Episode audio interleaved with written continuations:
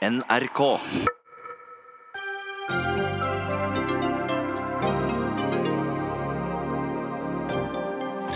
Statsministeren sier unnskyld på vegne av justisminister Sylvi Listhaugs mye omtalte Facebook-post etter ikke å ha gjort det i fem dager. Et rungende flertall i Arbeiderpartiets landsstyre går inn for at Norge skal slutte seg til den omstridte tredje energimarkedspakken til EU. Arbeiderpartiet møter ACER-skeptiske Senterpartiet.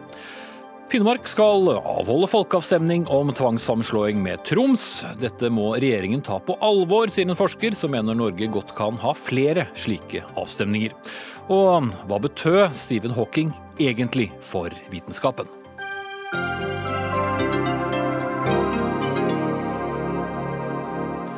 Da sier vi god kveld og velkommen til Dagsnytt 18 med Espen Aas. Sendingen starter imidlertid i London og Moskva.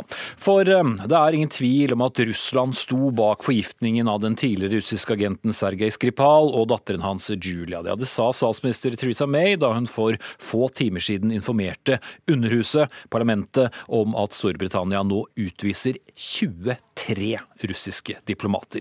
De får nå én uke på seg til å forlate landet etter at Russland ikke overholdt tidsfristen som May hadde gitt dem på å forklare hvordan nervegift som kan spores til Sovjetunionen, ble brukt til å forgifte Skripal. Og Vi skal høre først hva May sa i dag. Under the Vienna Convention, the United Kingdom will now expel 23 Russian diplomats who have been identified as undeclared intelligence officers. They have just one week to leave. This will be the single biggest expulsion for over 30 years, and it reflects the fact that this is not the first time that the Russian state has acted against our country. Through these expulsions, we will fundamentally degrade Russian intelligence capability in the UK for years to come. And if they seek to rebuild it, we will prevent them from doing so. Second, we will urgently develop proposals for new legislative powers to harden our defences against all forms of hostile state activity. This will include the addition of a targeted power to detain those suspected of hostile state activity at the UK border. This power is currently only permitted in relation to those suspected of terrorism. And I have asked the Home Secretary to consider whether there is a need for new counter espionage powers to clamp down on the full spectrum of hostile activities of foreign agents in our country. Ja, her legges det ikke mye imellom. Vår mann på de britiske øyer, Øyvind Nyborg. Hvordan kan statsminister Theresa May være så overbevist om at det er Russland som står bak dette? Det er jo det store spørsmålet. Nå sa Theresa May for to dager siden at dersom ikke russerne kommer opp med en skikkelig forklaring på hvordan russisk produsert nervegift har havnet på britisk jord og er blitt brukt i et drapsforsøk her, så kommer de da til å anklage russiske myndigheter, at det er de som står bak. Og sanksjonene vi ser i dag, det er en konsekvens av at russerne lot være å svare britene på dette sent i går kveld, da fristen gikk ut. Så nå har forholdet mellom de to land havnet fullstendig i fryseboksen. Dette er altså den største diplomatutvisningen på 30 år, hørte vi Theresa May si i klippet her, Øyvind. Men dette er ikke det eneste som iverksettes fra britisk side? Nei, Noe av det som svir mest rent diplomatisk, er jo da selvfølgelig utvisningen av disse 23 diplomatene, skråstrek agentene russerne har her. Det andre er at man setter diplomatiet på hold. Russlands Sergej Lavrov, utenriksminister, var jo ventet å komme hit til Storbritannia om ikke lenge. Det møtet er avlyst, så at alle møter på et høynivå mellom de to land bilateralt er nå satt på, på vent. Og I tillegg så skal også de kongelige utebli da fra fotball-VM i, i, Russland, som også selvsagt vil bli lagt merke til rent symbolsk. Nå har May også innkalt til hastemøte i FNs sikkerhetsråd om saken, ifølge Sky News. Hva kan skje der? Nei, Det kan jo bli et veldig interessant møte, ikke minst med tanke på at det er Storbritannia og Russland som er blant de fem faste i de møtes der kan jo bli en selsom og noe anstrengt eh, affære. Russerne Ja, Sliter visst litt med lyden din, Øyvind. Storbritannia i dag. Eh, helt til slutt, Øyvind, vi har litt problemer med linjen din, høres det ut som. Var det stor politisk uenighet da May eh, la frem denne saken i eh, Underhuset i dag? I utgangspunktet så var det en veldig stor enighet og applaus bak det statsminister Theresa May sa. Men så reiste lederen for opposisjonen seg opp, Labours Jeremy Corbyn, og spurte om man hadde bedre bevis for at det virkelig er den russiske stat eh, som står bak. Da ble det eh, tilrop, eh, mye buing, og mange mente at det var fullstendig ute av sin plass i nåværende situasjon. Han fikk også en del kritikk fra egne rekker i Arbeiderpartiet. Takk til Levi Nyborg i London. Og så vender vi oss mot Moskva, og vår reporter der, Jan Espen Kruse. Hva slags reaksjoner har kommet der på de relativt konkluderende ordene til den britiske statsministeren?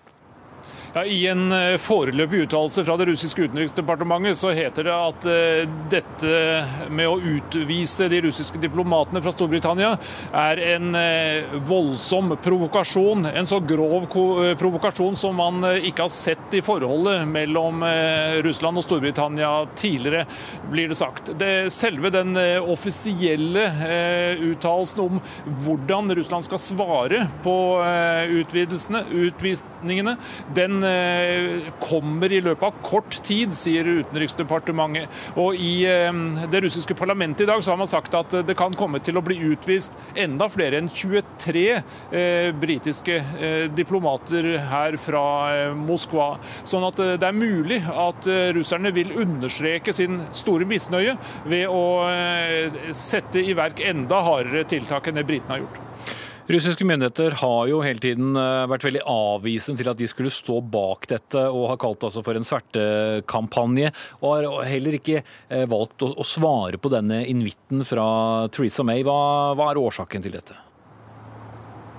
Russerne, eller Russiske myndigheter sier jo at de har ikke fått et eneste bevis i denne saken. Alt dreier seg om påstander fra britisk side, blir det understreket her. Derfor har eh, russiske myndigheter bedt om prøver av eh, denne nervegiften for å sjekke hva det virkelig dreier seg om, og se om det virkelig er noe som kan ha blitt eh, produsert i sin tid i, i landet her. Men videre så sier russerne at det, dette er jo ikke det som har skjedd skjedd, kan jo på ingen måte være i Russlands interesser. Nå skal det være presidentvalg her på søndag, og til sommeren skal det være fotball-VM i dette landet. Og eh, på, på den bakgrunn så trenger ikke Russland en massiv fordømmelse eh, fra hele verden i en eh, så voldsom kontroversiell sak som dette her. Takk til deg, Jan Espen Kruse i Moskva. Eh, Ola Kaldager, du leder seksjon for spesiell innhenting, også kalt for E14, fra opprettelsen i 1995 og frem til den ble lagt ned i 2006. Du er ikke like konkluderende som eh, Theresa May om at det er russerne som står bak? Nei, jeg er ikke det. Og eh, det hele kommer nok fra Russland. Eh, om det er russiske myndigheter som står bak kan man stille spørsmålstegn ved. Nettopp som Krus eh, sa fra Moskva, at eh, hvorfor skulle de gjøre det nå i et eh, VM-år, og ikke minst med alt det bråket som var rundt da de tok livet av Litvinenko for noen år tilbake, så, så, så blir det litt, litt usannsynlig, syns jeg, på det nåværende tidspunkt. Spesielt når man ikke vet hvilke, hvilke, beviser de måtte sitte på i etterforskningen. Det man ikke må glemme, er jo at um, etterretningsoffiserer ser jo på seg selv som soldater som uh, kjemper en kamp for sitt eget land. og uh, Skripal er jo da en forræder. Han ble gjenstand for det som de fleste etterretningstjenester ser på som det største skupet de kan gjøre, rett og slett å få snudd en agent. Og det er et forræderi. Og Kanskje russerne har hatt litt for mange sånne i eh, de senere årene, og at de eh, kollegaer ønsker å sette et eksempel. Det er jo verdt å merke seg da, at disse folkene blir tatt av dage på en eh, relativt eh, smertefull og grusom måte. Det finnes jo Og med veldig dramatiske midler? veldig dramatiske midler, eh, og som, som fører til eh, iallfall noen dager eller timers lidelser. Og Der kaster jo media seg på da, og sender dette ut, slik at alle får vite hvordan det går med folk som er forrædere. Mm. Vi skal også ta inn førsteamanuensis og forskningsleder ved Institutt for forsvarsstudier, Katarzyna Sysk. Vi skal jo ta de forbeholdene vi må ta, i og med at vi selvsagt ikke kjenner noe eh, til, til sannheten her. Men eh, hva mener du, kan Putin ha vært klar over eh, dette angrepet?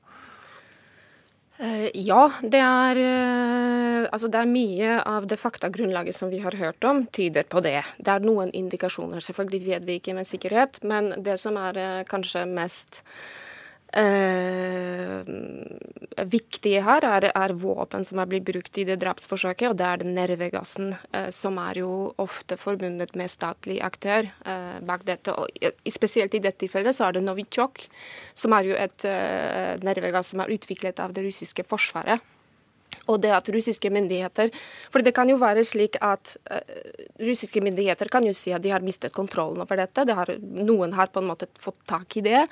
Men i så fall så burde de uh, forklare dette til de britiske myndighetene, men de har ikke sagt noe. Så det er veldig forunderlig. Det, en annen ting er også et handlingsmønster som er blitt nevnt her i programmet og historikk bak, eh, bak, det eh, som er statsfinansiert eh, attentat mot russiske forrædere. Kanskje spesielt russiske tidligere spioner. Det er det verste som Putin vet, som han har sagt flere ganger, ikke minst noen dager siden. Sa han til media at det er mye som man kan tilgi, men ikke forræderi.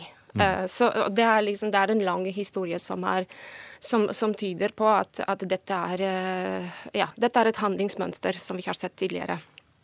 Eh, tilbake til deg, eh, Kaldager.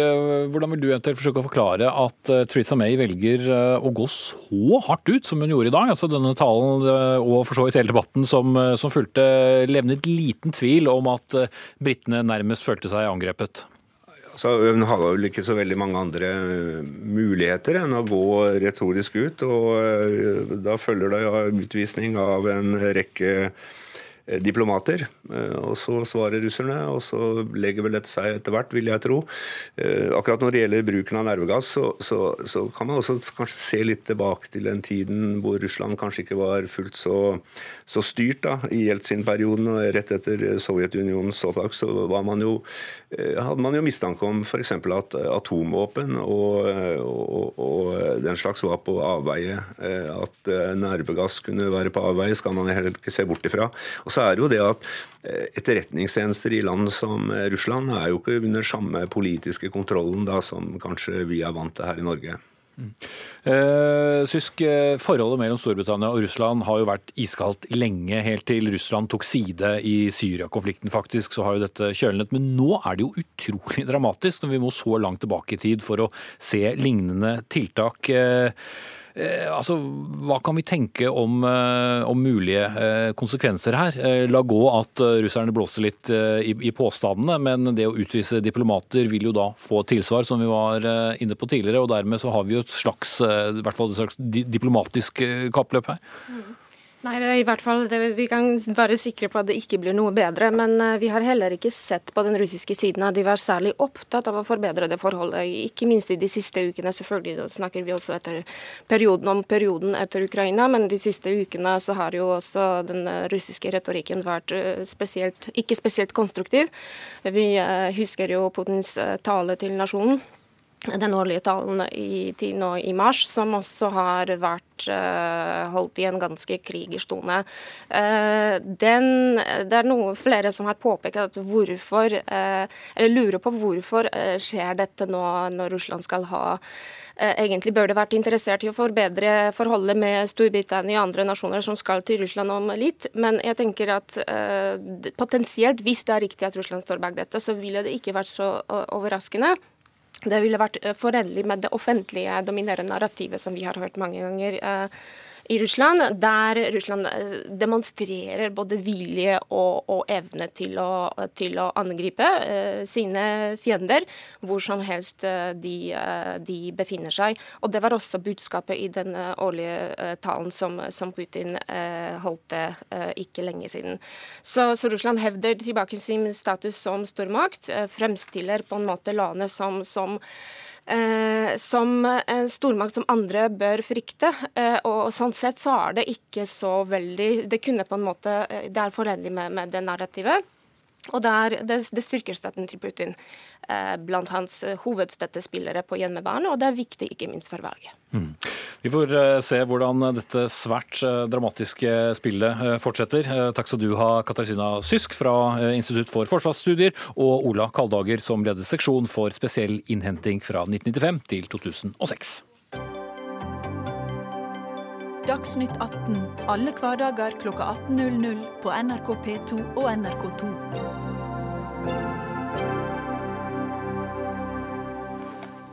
Landsstyret i Arbeiderpartiet ga i dag grønt lys for EUs eh, e energibyrå ACER, som åpner for norsk tilslutning til EUs tredje energimarkedspakke. Forutsetningen er at dette ikke kommer i strid med åtte konkrete og det eh, Arbeiderpartiet velger å kalle ufravikelige krav. Og Espen Barth Eide, stortingsrepresentant for Arbeiderpartiet.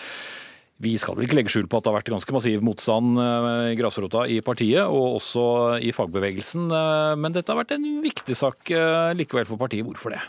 Ja, Det er jo en veldig viktig sak for Norge. fordi Spørsmålet er jo rett og slett om vi fortsatt skal være med i et tett integrert europeisk energisamarbeid, både på gass og strøm, som vi har vært nå i over 20 år, eller om vi rett og slett nå skal begynne å gå en annen vei og søke mot skal vi si, bilaterale avtaler eller noe sånt med våre viktigste handelspartnere.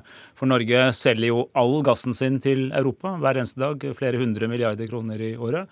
Og vi har en omfattende utveksling av strøm med nordiske land, med Tyskland, ikke minst, kontinentet, eh, som gjør at vi både importerer og eksporterer strøm på daglig basis. Og Da må det være noen regler på det markedet. Og de reglene eh, blir nå laget av EU. De pleide å være nordiske, men de er overtatt av EU, og vi ønsker å være med i dem. Men så har det vært veldig viktig for oss, som du innledet med, at eh, vi har sagt at det er en del ting som en del ufravikelige forutsetninger som må ligge til grunn for den Og Hva er det viktigste? ja, Det er at vi beholder det norske offentlige eierskapet. At vi fortsatt har styring over vår egen kraft. At vi ikke gir bort uh, suverenitet over våre egne ressurser her i Norge. Uh, dette samarbeidet dreier seg bare om hvordan man organiserer mellomlandssamarbeidet, altså uh, handelen over land. Og der er det sånn at EU har innført disse reglene. Alle naboene våre har dem. Eh, så vi må forholde oss til dem likevel, og da er det fornuftig at vi rett og slett er med og former dem. Men disse ufravikelige kravene, hvem er de til? Ja, De går litt forskjellig retning. Noe av dette har å gjøre med energiloven i Norge. Vi har f.eks. sagt at eh, det er bare aktuelt for oss å slutte oss til dersom vi sørger for at Statnett har monopol på utenlandsforbindelser, altså at de eies av staten. Eh, eh, og, og, det har vi da jobbet for å få gjennomslag for i forhandlingene med de andre partiene. Det forutsetter da at de skifter fra det synet de har hatt så langt, nemlig at private kan bygge kabler. For vi er svært skeptiske, og har vært svært skeptiske, til at man skal ha private kabler ut av landet, eller i det hele tatt kabler som ikke eies av staten. Det er en del av et naturlig monopol, og det er et godt sosialdemokratisk prinsipp. Men, men kravet er til regjeringen, eller kravet til EU? Dette er jo til våre forhandlingsparter i Stortinget, altså til regjeringspartiene i Stortinget. Mm. For dette har ikke EU noe med, og heller ikke EU noe syn på. Eller egentlig har EU er jo egentlig enig med Arbeiderpartiet, fordi eh, denne tredje pakken sier at de som har ansvaret for det som heter transmisjonsnettet, altså det overordnede nettet i et land, også skal ha ansvaret for kabelen ut. Og i Norge er det Statnett. Så, så, dette er naturlig for oss, men dette var veldig viktig å slå fast. Det har også vært veldig viktig å slå fast at beslutninger om nye kabler, hvis de noen gang skal fattes, skal fattes av norske myndigheter, regjering og storting, som nå. Slik at det ikke blir slik at noen andre bestemmer om vi skal bygge flere kabler til utlandet eller ikke. Og det har vi avklart at sånn er det. Men LO-leder Hans Christian Gabrielsen han sier han fortsatt er veldig usikker på hva dette betyr. Hvorfor denne usikkerheten når eh, dere har tatt disse viktige forbeholdene? Jeg har lyst til å si at eh, Det har vært reist mange viktige og gode spørsmål fra eh, LO og fra viktige forbund. Vi har hatt en veldig nær dialog med dem. Og disse forutsetningene, eller kravene som vi har laget, har vi laget i samarbeid med dem. Vår vurdering og landsstyrets vurdering var at vi nå har svar på de, at vi faktisk vet hva dette er, og ikke minst hva det ikke er. Det er blitt sagt fryktelig mye om ACER og tredje pakke som uh, egentlig ikke har noe med saken å gjøre. Og så har det vært stilt noen viktige og gode spørsmål som vi mener å ha avklart, enten gjennom endringer i norsk lov eller avklaringer av de faktiske forhold der ute. Og så kommer det et nytt forhold som er helt nytt av de siste dagene. Det er at siden noen har sagt at OK, tredje pakke er kanskje ikke så farlig, men det kan komme endringer i fremtiden. Så legger vi altså inn en erklæring, slik at vi sier at Norge må, eh, må avlegge en erklæring på vårt syn på at disse tingene ikke skal røres, disse grunnleggende prinsippene. Og hvis det blir endringer i lovgivningen i EU i fremtiden, så vil det være noe vi da vil ta med oss og eventuelt uh, reservere oss mot den videre utviklingen. Vi har en sidemann som jeg også straks skal gi ordet til, men bare helt til slutt uh, denne runden, Espen Barth Eide. Har du lyttet mer til olje- og energiminister Terje Søviknes enn til fagbevegelsen og grasrota? Nei, jeg har snakket med Søviknes, ja, men jeg har snakket veldig mye mer med LO og snakket veldig mye mer med mange i Arbeiderpartiet. Og når det sies grasrota, så har jeg lyst til å si at uh, det, det er flere enn én grasrot. Det mange grasrøtter. Vi har altså fylkespartier som har sagt ja med disse betingelsene. Vi har noen som har sagt nei. Vi har folk fra rundt omkring i landet som mener at det er i Norges interesse å si ja, og det er noen som veldig sterkt mener at det er i Norges interesse å si nei. Så vi har lyttet til alle, vi. Men vi har måttet, det jo, ligger jo litt i, til vårt ansvar at på et tidspunkt må man ta en beslutning, og vi mener at uh, den riktige beslutningen var å gå inn for dette, men med uh, disse veldig klare forutsetningene som vi mener at nå er innfridd. Da, Trygve Slagsvold Vedum, leder i Senterpartiet, ingen premie for å gjette hva du mener om uh, ACER, men hva er det Arbeiderpartiet ikke har skjønt når de sier ja? Altså, jeg er så grunnleggende uenig i det premisset som Barth Eide har, om at vi skal gi fra oss makt over norsk energipolitikk og hvordan man skal styre utvikling av energi fra Norge fra norske folkevalgte, fra NVE som styres av norske myndigheter, til ACER som styres av et EU-byråkrati som vi ikke har stemmerett i. Og når Barth Eide sier at vi kan være med å forme det regelverket, så er det det som er hele problemet, er jo nettopp at vi har jo ikke stemmerett. Og Arbeiderpartiet eh, sammen av en eller annen grunn velger å støtte Frp og Høyre sitt ønske om å gi fra makt fra Norge til et system vi ikke er medlem i. Og så har energipolitikken vært en suksesshistorie for Norge. Helt fra 1909 med konsesjonslovene så har det vært en debatt rundt det. Men, vi er hele men verden har jo hele tiden forandret seg også. Ja, men, Markedet har forandret seg fra å være hele, norsk til et nordisk og nå til et europeisk. Men hele tida har vi sikra nasjonal kontroll, og at det er norske politikere som tar beslutningene som er avgjørende for det norske energimarkedet. Og her Garantiene sier, som uh, ja, Barth Eide kommer med her, da, blir du ikke beroliget av de at det skal være staten som legger fremtidige kabler, vi skal ha fortsatt siste ord? Men Dessverre så har jo historien etter at Norge ble medlem i EØS mot Senterpartiets stemmer, vist at uh, de garantiene er lite verdt. F.eks. så garanterte jo Arbeiderpartiet når de satt i regjering uten Senterpartiet, at uh, det var mulig å opprettholde finansreguleringa og eierskapsreguleringa til norsk banksektor. EU-kommisjonen bekrefta Arbeiderpartiets regjering at det var fullt mulig.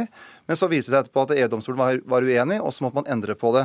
Man, man, garanterte fra Gro sin side at alkoholpolitikken skulle stå, distriktspolitikken skulle stå, hjemfallsretten skulle bestå. Men, alle, men, men, problemet er at alle de diskusjonene der, så har ESA begynt å blande seg inn i.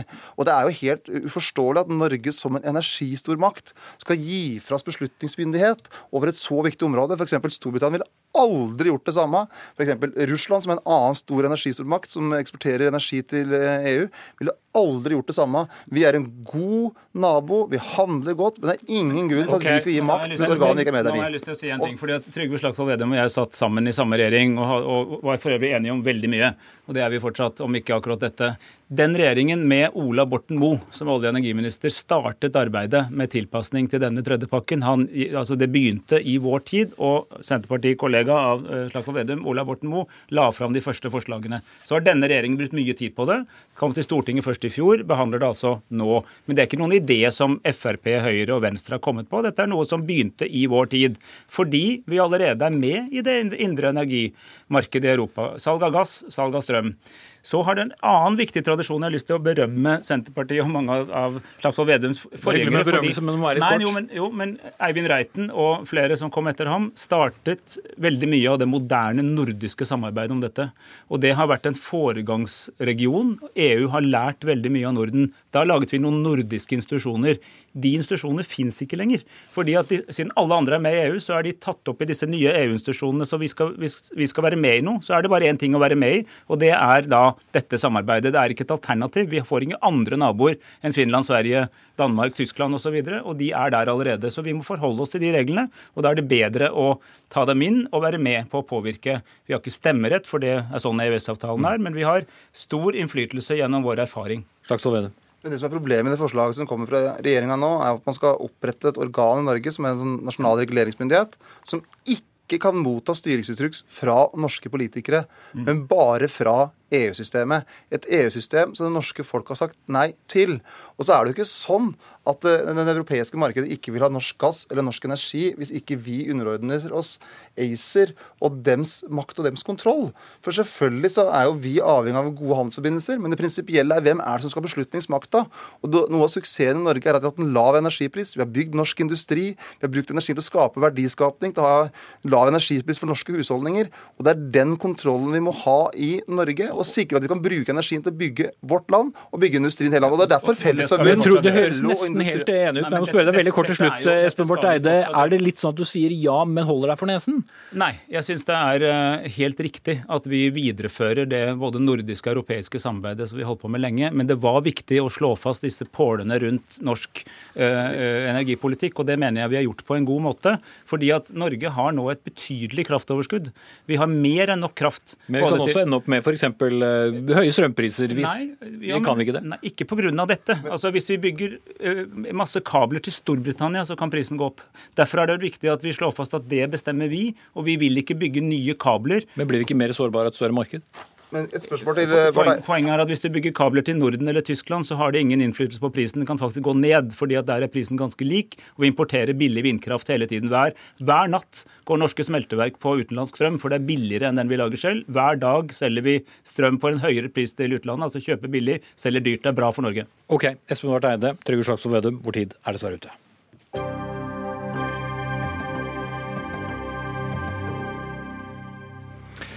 Det skulle gå fem dager med ordkrig. Men nå i ettermiddag så har statsminister Erna Solberg gått ut og sagt unnskyld. Hun har sagt eh, unnskyld for ordbruken til justisminister Sylvi Listhaug i det etter hvert så kjente Facebook-innlegget der det sto at Arbeiderpartiet var mer opptatt av terroristers rettigheter enn nasjonens sikkerhet. Innlegget ble fjernet av Listhaug selv tidligere i dag, ikke fordi hun mente det var noe galt, men fordi hun ikke hadde sikret seg rettighetene til bildet som illustrerte det hele. Og nå for kort tid siden så møtte Erna Solberg pressen i Stortinget og sa dette. Som dere ser av Aftenpostens oppslag, så har jeg i dag sagt at uh, på vegne av regjeringen, så hvis dere kan trekke litt tilbake, så er det fint. Uh, så har jeg ønsket å be om unnskyldning for at den retorikken som å, å eh, som regjeringen har brukt, har såret folk. Det er en spesielt forhold til terror i Norge etter 22.07. Eh, det betyr at man må være ekstra varsom knyttet til diskusjon rundt terror. Eh, fordi at vi har mennesker i vårt samfunn som har opplevd dette på det mest alvorlige, på det mest grusomme. Og i disse dager, med, også med filmen som går, så er det mange av de som gjenopplever, og mange flere som opplever hvordan den terroren var. Derfor er det grunnlag for å være ytterst varsom med hvordan man bruker det, hvordan man går inn i diskusjoner om terror. Og det har ikke vi i denne saken vært. Eh, og det burde vi, og det har vi lært av. Og derfor mener jeg at vi fremover må passe på at vi alle bidrar til en, en rolig, saklig, informativ debatt hvor vi ikke tillegger hverandre synspunkter eller holdninger som vi ikke har i debatten, særlig på så ømfintlige eh, punkt som dette. Vil denne saken få konsekvenser for eh, Sylvi Listhaug, og har du fortsatt tillit til henne som statsråd? Jeg har tillit til Sylvi Listhaug som statsråd. Hun er en god justisminister. Eh, hun har også selv sagt at hun har lært av denne saken. Jeg tror vi alle har lært av at eh, vi må være forsiktige med ord nettopp knyttet til terror. Men vil saken få konsekvenser for henne? Da er det Kato Jeg har svart på det. Er det flaut å måtte stå og si unnskyld for noe du har forsøkt å få sletta på et mye tidligere tidspunkt, men ikke lykkes med? Jeg kommenterer ikke spekulasjoner eller uh, såkalte uh, informerte kilder som har sagt noe til DN. Eh, jeg kjenner ikke meg igjen i alt det som står der heller. Du har ikke bedt henne om å slette det? Jeg kommer ikke til å kommentere de spørsmålene. Ja, politisk kommentator Lars Nehru Sand. Da fikk vi den utviklingen etter noen ganske intense dager. Hva leser du inn i det her? At det var ingen annen utvei for eh, Solberg. Jeg forstår også på, på andre eh, svar hun har gitt, at eh, hun har blitt utfordret av Støre til å si unnskyld. Og det gjør hun nå på vegne av hele regjeringen, der hun er da konstitusjonelt ansvarlig statsråd Sanner, men ikke minst da Sylvi Listhaug, som, som, la ut dette på, på Facebook. Og det er en likelydende beklagelse, eller unnskyldning, da, som Sanner også vil fremme fra Stortingets talerstol i morgen når selve saken her, altså statsborgerskapslovgivningen, skal opp til debatt og, votering i, i morgen. Men at statsminister Erna Solberg må gå ut nå og si unnskyld på en vegne av en justisminister som selv ikke uh, har sagt uh, unnskyld, og for så vidt uh, forsvart denne posten, det var vel ingen ønskesituasjon?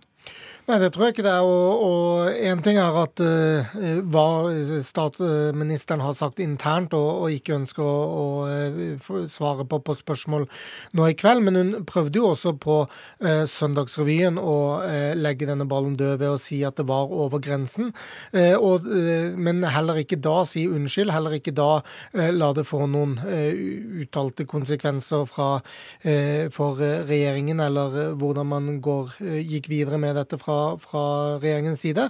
Eh, og så har da debatten levd i, i andre fora i arbeid, på Arbeiderpartiets landsstyremøte osv. Og, så eh, og så må hun nå da si eh, unnskyld. Og det har vært påfallende her helt siden fredag, for så vidt. Nemlig at hvorfor skulle det være så vanskelig å, å si unnskyld, hvis man har følt at denne debatten, det man ble tillagt av mening, den settingen det ble lest inn i med, med 22. juli-filmpremieren, at det var helt på, på siden helt annerledes enn det man man ønsket seg fra regjeringens side. Og Når verken eh, statsråden eller statsministeren har, har fått til det før, så får det da den eh, utviklingen det får, med at statsministeren må gjøre dette i dag. Eh, mens Rødt har snakket om mistillitsforslag, KrF til og med, og andre har snakket om ulike former for kritikk og, og varsle fra Stortinget i morgen. Og nå gjør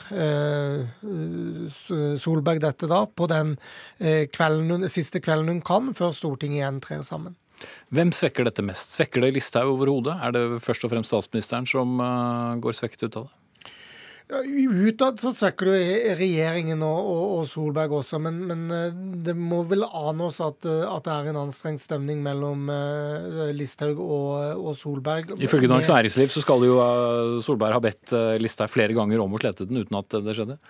Ja, sånn som jeg forstår det, har Solberg i hvert fall gitt et råd. Hvis Solberg hadde gitt en ordre som ikke ble etterfulgt, så hadde vel det vært ganske kort prosess. Men, men eh, det er jo sånn at det bør være en, en høy grad av, av tillit og, og samsnakkethet mellom en, en, statsråd og en statsminister i, i mer personalsaker, som, som, dette jo er. Eh, og da, eh, da, vil jeg tro, eller det jeg også hører fra, fra andre i regjeringsapparatet og, og i Høyre og Frp, er at de to eller at debatten internt i regjeringen, på statsrådsnivå, på rådgivernivå, eh, de siste dagene har gått veldig høyt. Ikke bare mellom eh, statsministerens kontor og Justisdepartementet, men, men flere i, i, regjeringen som syns at dette har vært en veldig ødeleggende og ubehagelig sak og debatt å måtte stå inne for.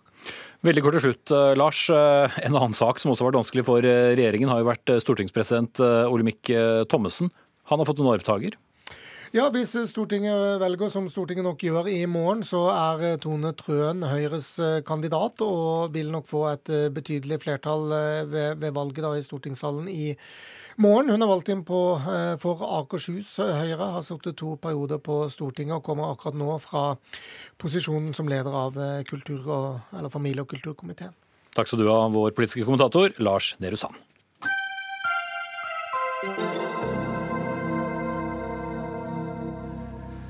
En forelesning av professor Bendikte Høgberg ved Juridisk fakultet i Oslo har satt sinnene i kok blant en del studenter ved universitetet. I forelesningen sist fredag tok professoren både et oppgjør med netthets eh, mot de som underviser blant studentene, og også et oppgjør med studenter som hun mente kanskje ikke helt har skjønt alvoret med studiene. Det var eh, studentavisen Universitas som først eh, meldte dette, og i denne talen gjør eh, Høgberg det klart at dagens studenter er heldige, for aldri har kunnskapen vært mer tilgjengelig, aldri før har universitetet tilbudt studentene mer undervisning, og vi siterer studenter henfaller til Jodel eller andre sosiale medier, medier der de kan sende anonyme meldinger til hverandre, og der noen, de siste dager i særdeleshet, har beklaget seg over hverandre og flere av professorene og deres pedagogiske evner, sa altså professoren til de oppmøtte studentene. Hun ville ikke selv stille til debatt, men det gjør du, Dag Michaelsen, dekan ved Det juridiske fakultetet, og stiller deg bak Høgberg. På hvilken måte? Hva er det studentene ikke skjønner? Ja, jeg stiller meg bak Høgberg i den forstand at det hun sier om, eh, om eh, anonym hetsing på disse mediene, det er selvfølgelig ikke bra. Og det tror jeg ingen egentlig vil ha. For det har vært en hetsing som har ført til at eh, det blir en slags splid mellom studenter og lærere. Og det er noe vi virkelig ikke vil ha. For det vi søker hele tiden, er å skape gode ordninger mellom studenter og lærere. Og det som da dette Jodel-opplegget har skapt, har vært en slags splid om dette. Og det, På det punktet er jeg enig med henne i at selvfølgelig må vi slutte med dette. Men det tror jeg også mine medsittere her er helt enig i. At det er en måte å drive kritikk som ikke er riktig. Men eh, altså, jeg husker vi diskuterte ganske friskt uh, forskjellig kvalitet på våre forelesere da jeg gikk på universitetet. Er det ikke bare en flytting av uh, den praten de hadde på utsiden av forelesningssalen over til et ganske begrenset publikum på, på, et anonymt diskusjonssted? Nei, dette er ikke, det er to forskjellige ting å gjøre. Da. Altså, å si noen morsomheter i korridoren etterpå, og det anonymt å legge ut veldig skarpe meldinger. Det er klart at det er to forskjellige ting. Og det at vi sitter her, er jo et eksempel på at det har en helt annen effekt enn at du sier noe i korridoren etterpå. Det, ikke sant? det har plutselig hele samfunnet som ekkorom, det du holder på med her. Og det er den effekten av kritikk på anonymt grunnlag i veldig usaklige former som Bendik Tøberg sa nå er det nok. Mm. Og på det punktet er jeg helt enig. Ok, En av studentene som har reagert på dette, er deg, Annefrid Huttala, som er student ved samme fakultet. Hva er det du reagerer på? Det jeg reagerer på, er ehm, Jeg er helt enig med både Dag og eh, Benedikte når det kommer til eh, at netthets det er ikke greit på noen måte. Eh, dette gjelder både eh, studenter og det gjelder forelesere, eh, professorer. Og det som jeg reagerer på, er måten hun Måten Benedicte i denne sammenhengen rett, skjeller ut studenter i forelesning. Dette Hun sier at vi studenter som eh, vil at eh, professorer skal eh, være pedagogiske, vi skal bli bemøtt med latter. Dette syns jeg skaper et veldig stort skille. Det er akkurat som eh, Dag Michaelsen, sier, at det skaper et skille. Jodel har skapt et skille mellom eh, professorer og studenter, men det gjør også sånne utsagn som dette. Eh, det gjør så at jeg Det er ment at jeg skal bli møtt med latter. Ikke er en student i sin rette forstand. Det gjør ikke så at jeg tør å gå til, denne, til forelesere senere, spørre om spørsmål. Eh, min kunnskapssøken eh, den eh, forsvinner litt i en sånn situasjon. Ja, men Karsten, Er det et lavere nivå på um, studenter nå? Forholder man seg mer til det å være student som en skole, som det også har blitt vist til i denne debatten? Altså, Jeg tror at juridisk fakultet aldri har hatt så gode studenter som nå. Altså, Vi har jo et snittkarakter som, for å komme inn på vårt fakultet som er Så da tar hun feil? Ja, i den forstand at eh, Men det, jeg nekter at du mener det. For det er jo empirisk bevist at vi har fantastiske studenter som har veldig høyt karaktersnitt for å komme inn på juridisk fakultet. Vi har studiebarometer som viser at ingen studenter eh, i Norge leser så mye som juridiske studenter. Vi har studenter som virkelig setter seg fore å bli veldig gode kandidater og tar aktivt del i masse forskjellige debatter som eh, deltar i forskjellige typer av traineesystemer hvor de begynner å forberede seg for hvordan de skal være i praksis. Eh, jeg tror at det er Jeg tror at juridisk fakultet aldri har hatt så gode studenter som vi har i dag. Og det er helt suverent at vi har det. Og det er en stor utfordring for fakultetet å ha et pedagogisk system som matcher dette. Da virker den debatten noe rar, men Jens Legreid, du er leder av studentparlamentet og representerer sånn sett alle studentene ved universitetet. Eh, og har du også sagt at den netthetsen er en litt avsporing av debatten. Hvilken debatt ønsker du? Nei, jeg mener det er noe avsporing, fordi nå har vi allerede brukt veldig mye tid her inne på å snakke om noe veldig få studenter står for. Studenter flest tar avstand fra netthets.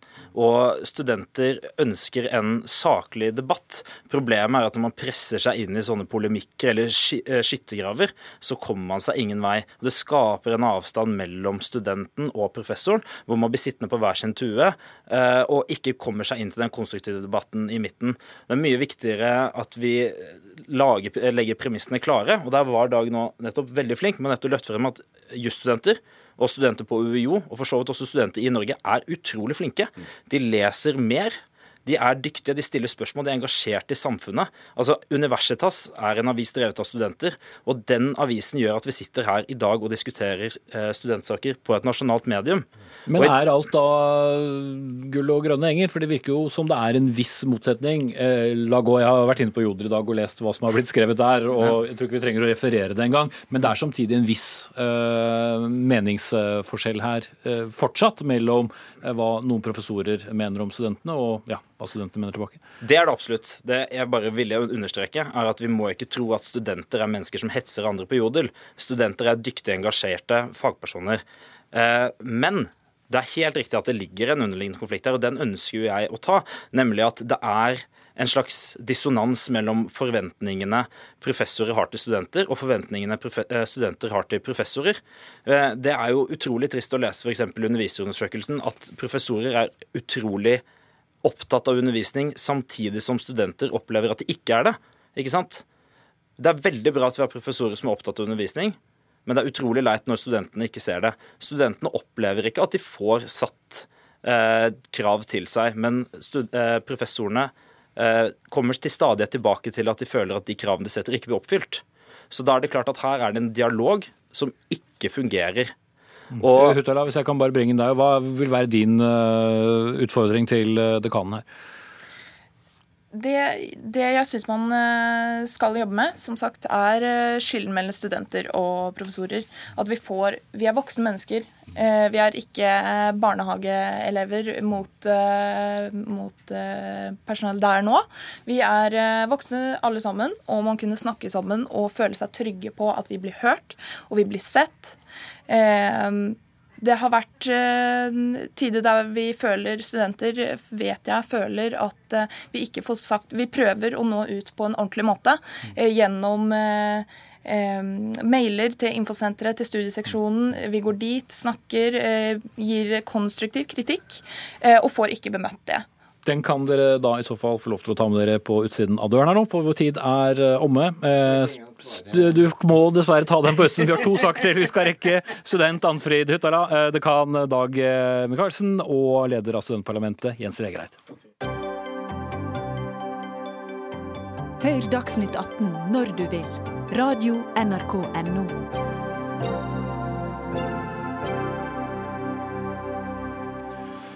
Noen av eh, Dagsnytt 18s lyttere har sikkert fått med seg at det pågår en liten debatt om en viss fylkessammenslåing i nord. Og både folket og politikerne i Finnmark mobiliserer seg nå i kampen mot denne fylkessammenslåingen. I går sikret nemlig Senterpartiet, sammen med Arbeiderpartiet og SV i Finnmark, flertall for en folkeavstemning om denne tidvis omstridte sammenslåingen.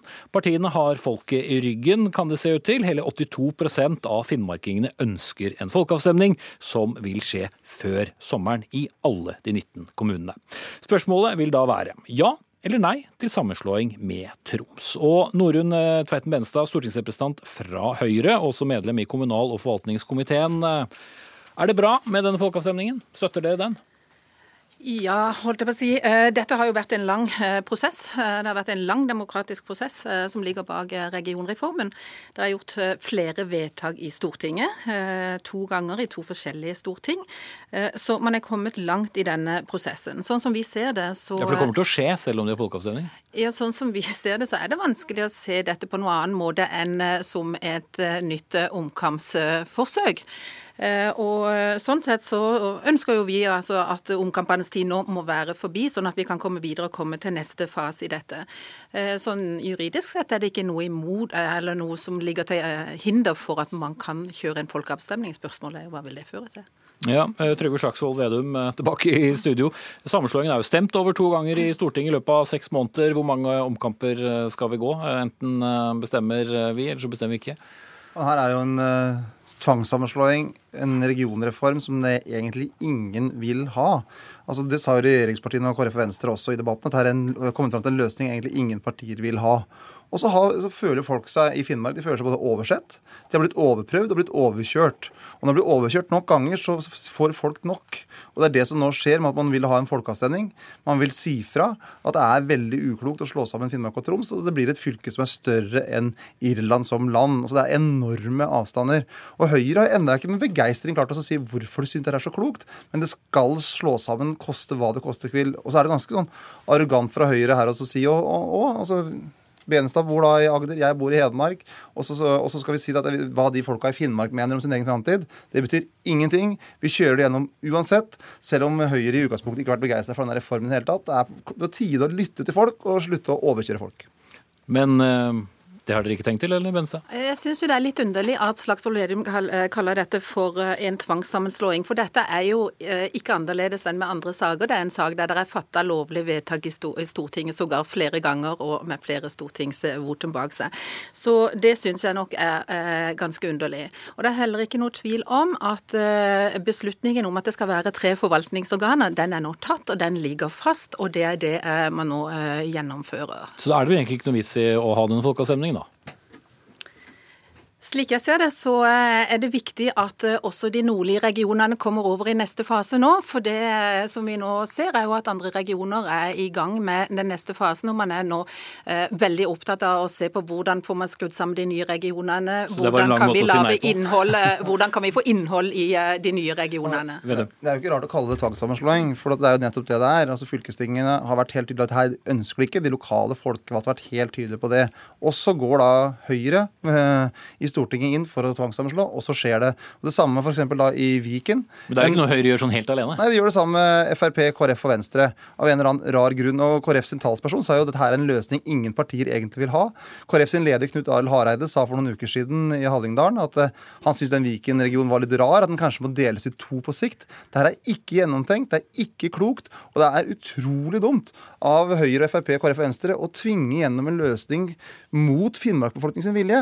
Når ingen i Høyre klarer å si hva blir bedre for Finnmark. Man klarer ikke å skape noen lokal begeistring, og da bør heller Høyre reise opp da, når det er diskusjon og folkeavstemning nå, og skape begeistring. Og hvis folket sier det her er en dårlig løsning, så bør en respektere folkeviljen i et folkestyre. Vi har uh, diskutert denne saken noen ganger i Dagsnytt 18 for å si det forsiktig, men vi skal prøve å trekke inn noen andre momenter her òg. Og vi skal uh, vende oss til Mats Kåretrup, som er professor ved University of Coventry og forsker på folkeavstemninger i Europa. Denne folkeavstemningen, hvis den da finner sted, er rådgivende og ikke avgjørende, slik mange folkeavstemninger jo gjerne er. Men hvis det blir et klart flertall da mot sammenslåing, slik det kan se ut til, eh, hva mener du regjeringen burde gjøre?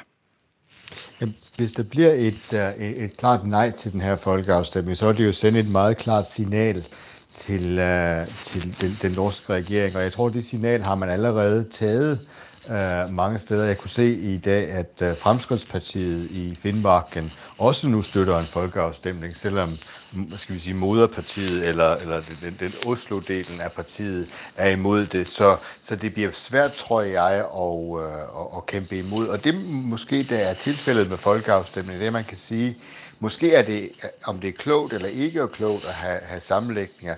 Hvis man giver folk en mulighed for at vælge, jamen så vil de måske også øh, føle sig mere ansvarsfulde i forhold til, øh, til beslutningen, der bliver taget. Så jeg tror, at man på en eller anden måde kan, kan måske næsten blive tvunget af demokratiske årsager til at, og, ændre holdningen, hvis det blir et tilstrekkelig stort flertall. Det har man sett andre steder i Europa. Man har haft uh, avstemninger om, uh, om sammenlægninger, bl.a. i Tyskland, hvor man ble enige om at uh, oppsplitte Berlin og Brandenburg efter en folkeavstemning.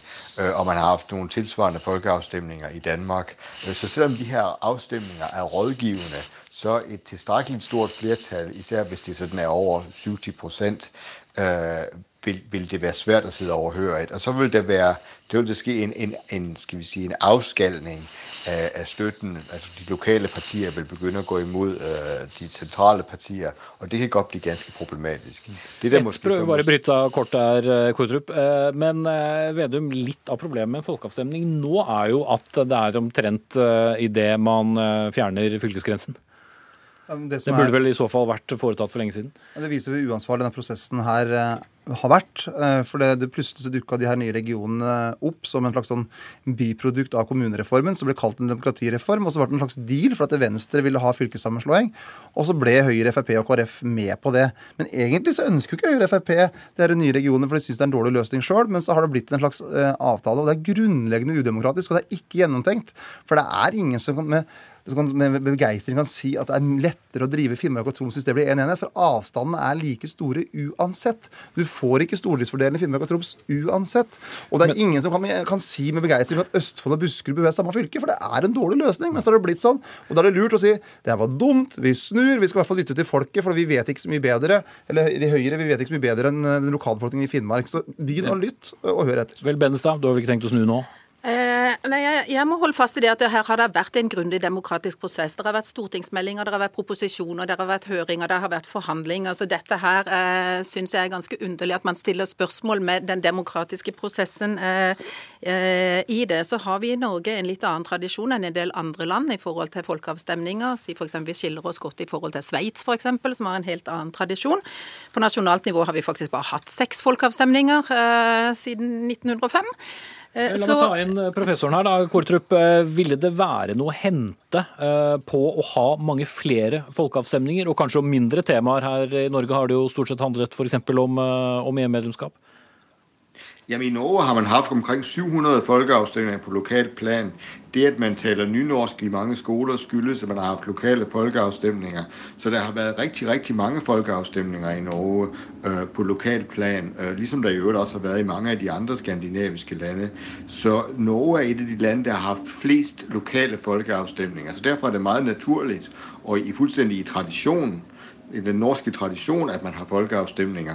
Og så det at, at man allerede har besluttet noe i Stortinget, betyder jo ikke noe i, i den forstand. Altså Stortinget eh, kan ta en beslutning, men det betyder ikke nødvendigvis at folket er med det. Altså Norge kunne i prinsippet ha vært gått med i EU uten en folkeavstemning, men det blir ikke oppfattet som legitimt. Så det at man har et mandat til Stortinget, betyder jo ikke at man nødvendigvis har et mandat til, til alle beslutninger. Så jeg tror at at man, at man ligesom må acceptere, at det, det, det repræsentative demokrati bliver styrket, det bliver større tillid til det repræsentative demokrati, hvis man også giver folk mulighed for å beslutte ting uh, på lokalplan, som man mange ganger har gjort i Norge. Ja. Uh, om, det er noe jeg si takk til deg, Mats Koltrup, professor ved University i Coventry, og de to ivrige uh, stortingsrepresentantene i studio, Norunn Tveiten Benestad og Trygve Slagsvold Vedum. Og hvis du vil høre enda mer om denne betente konflikten, så kommer Helga Pedersen, som fronter kampen mot sammenslåing av de to fylkene, til Torp i kveld klokken 19.45 her på NRK2.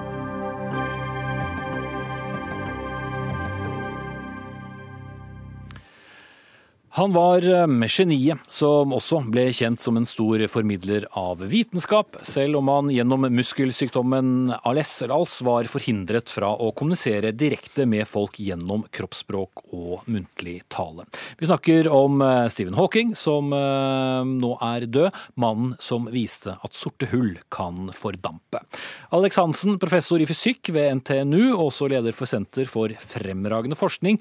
Du tok realfagsoppgaven din på Blindern, du og husker at Hawking var en stjerne allerede på 1970- og 80-tallet. Hva var det som gjorde det? Å ja, nei, Det var jo eh, helt på slutten av 60-tallet at han, han, eh, ble kjent, faktisk. Og, og Jeg slo opp i de gamle bøker skrevet på 70-tallet, og han, han, nevnes en av dem. Den, en bok som heter 'Gravitation', har en hel side om ham, skrevet 1970. Eh, han var en stigende stjerne på den tiden. Det var ikke kjent, allment kjent at han var så syk som han var. Og Allikevel så eh, var han en enorm stjerne allerede på den tiden.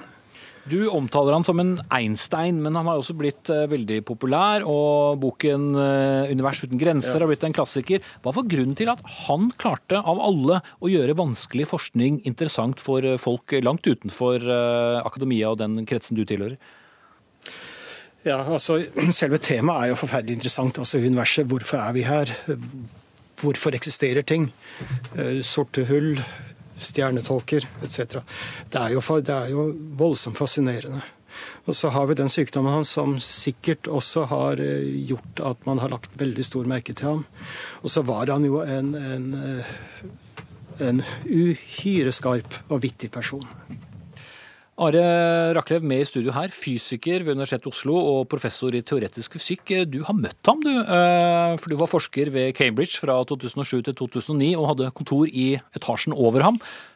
Hvordan var Stephen Hawking? Ja, altså han var jo ikke noen du førte sånne dagligdagse samtaler over kaffemaskina med. da, fordi Pga. sykdommen sin så var han avhengig av å skrive med en datamaskin hvor han bare kunne styre med øyet og noen muskler i ansiktet, så det gikk jo veldig seint det her. Så han sa jo ikke så veldig mye, han var en veldig kortfatta person. Den eneste gangen jeg hadde noen lengre samtaler med han, var over en middag på Keys College hvor han hadde masse tid til overs fordi at han ble mata av sine mange assistenter, eh, og kunne da sitte og gjøre litt sånn dagligdagssamtaler med han. Han var en veldig morsom fyr, som har blitt nevnt eh, tidligere, med en ganske sånn skarp sans for humor. Eh, men fordi at han hadde så problemer med å uttrykke seg, så måtte han også være veldig sånn kortfatta. Så i fysikksamtaler kunne han være veldig kryptisk. Han kunne komme med en eller annen sånn orakeluttalelse. Så var det opp til forsamlingen å prøve å forstå hva han egentlig mente med det her. Mm. En veldig avansert fyr. Samtidig så var det en mann man eh, laget storfilm om, som ble en kjempesuksess. Han kunne opptre sammen med Monty Python, gjøre eh, de rareste ting. Eh, samtidig som han da mm, var, eh, hadde en, en, svært avansert eh, hjerne. Jeg kan jo spørre deg, eh, Alex Hansen, først. hvordan klarte han å ha denne veldig folkelige appellen? Nei, det er jo som det er blitt sagt, altså, at, at, han hadde en stor humor.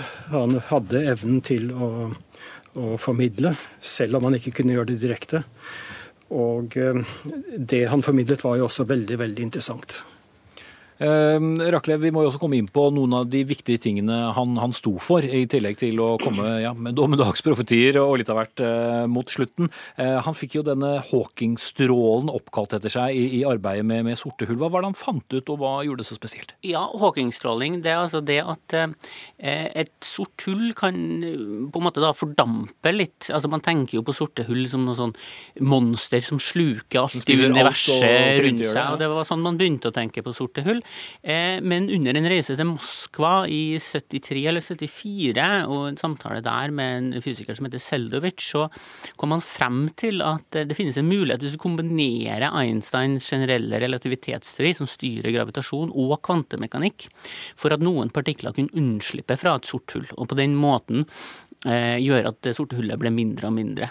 Men det her er jo utrolig vanskelige ting å observere. Altså, Vi kan ikke lage bare et lite sort hull i laben og, og kikke på det. Det høres veldig skummelt ut. Eh, det høres kanskje litt skummelt ut. Eh, så, og eh, det vil være så lite stråling fra et sånt sort hull som fins etter en stjerne eller i sentrum av vår egen galakse, at det er veldig vanskelig å observere. Og dette er jo også en av grunnene til at til tross for at han var en gigantisk superstjerne innen fysikken, så fikk han aldri nobelprisen i fysikk. Fordi nobelprisen i fysikk, da må du ha gjort noe som kan knyttes til en eksperimentell oppdagelse. Mm. Nå har vi eh, snakket mye om hans fremragenhet og, og for så vidt hans humor. Alex Hansen, eh, var han helt eh, ubestridt en ener, eller var han også omstridt på noen punkter? Ja, han var jo også omstridt. Altså, enkelte deler av hans teorier er jo fortsatt en dag i dag eh, paradoksal. Jeg tenker på f.eks. det som kalles eh, informasjonsparadoks i forbindelse med sorte hull. Så han gir nok arbeid til fysikere for mange, mange år ennå. Mm. Uh, Are Raklev, det går mot uh, slutten her, men uh, hva er det viktigste du sitter igjen, eller kanskje vi alle sitter igjen med etter Stephen Hawking? Han avsluttet jo med en voldsom advarsel om sivilisasjonens videre ferd. Eh, det er jo en veldig stort eh, intellektuell arv etter seg, men jeg husker han også som en person som var veldig opptatt av sine medmennesker. Ikke bare det her med å advare menneskeheten med forskjellige farer, men det siste året hans var han også dypt opptatt av eh, de kuttene som skjer i det offentlige helsevesenet i Storbritannia. Mm. Der må vi sette strek, for eh, Dagsnytt 18 har nok en gang brukt opp sin tilmålte eh, tid. Ansvarlig for sendingen i kveld, Arnhild Myklebust. Teknisk ansvarlig Eli Kyrkjebø. Og her i studio, Espen Aas. Vi er tilbake igjen til samme tid i morgen.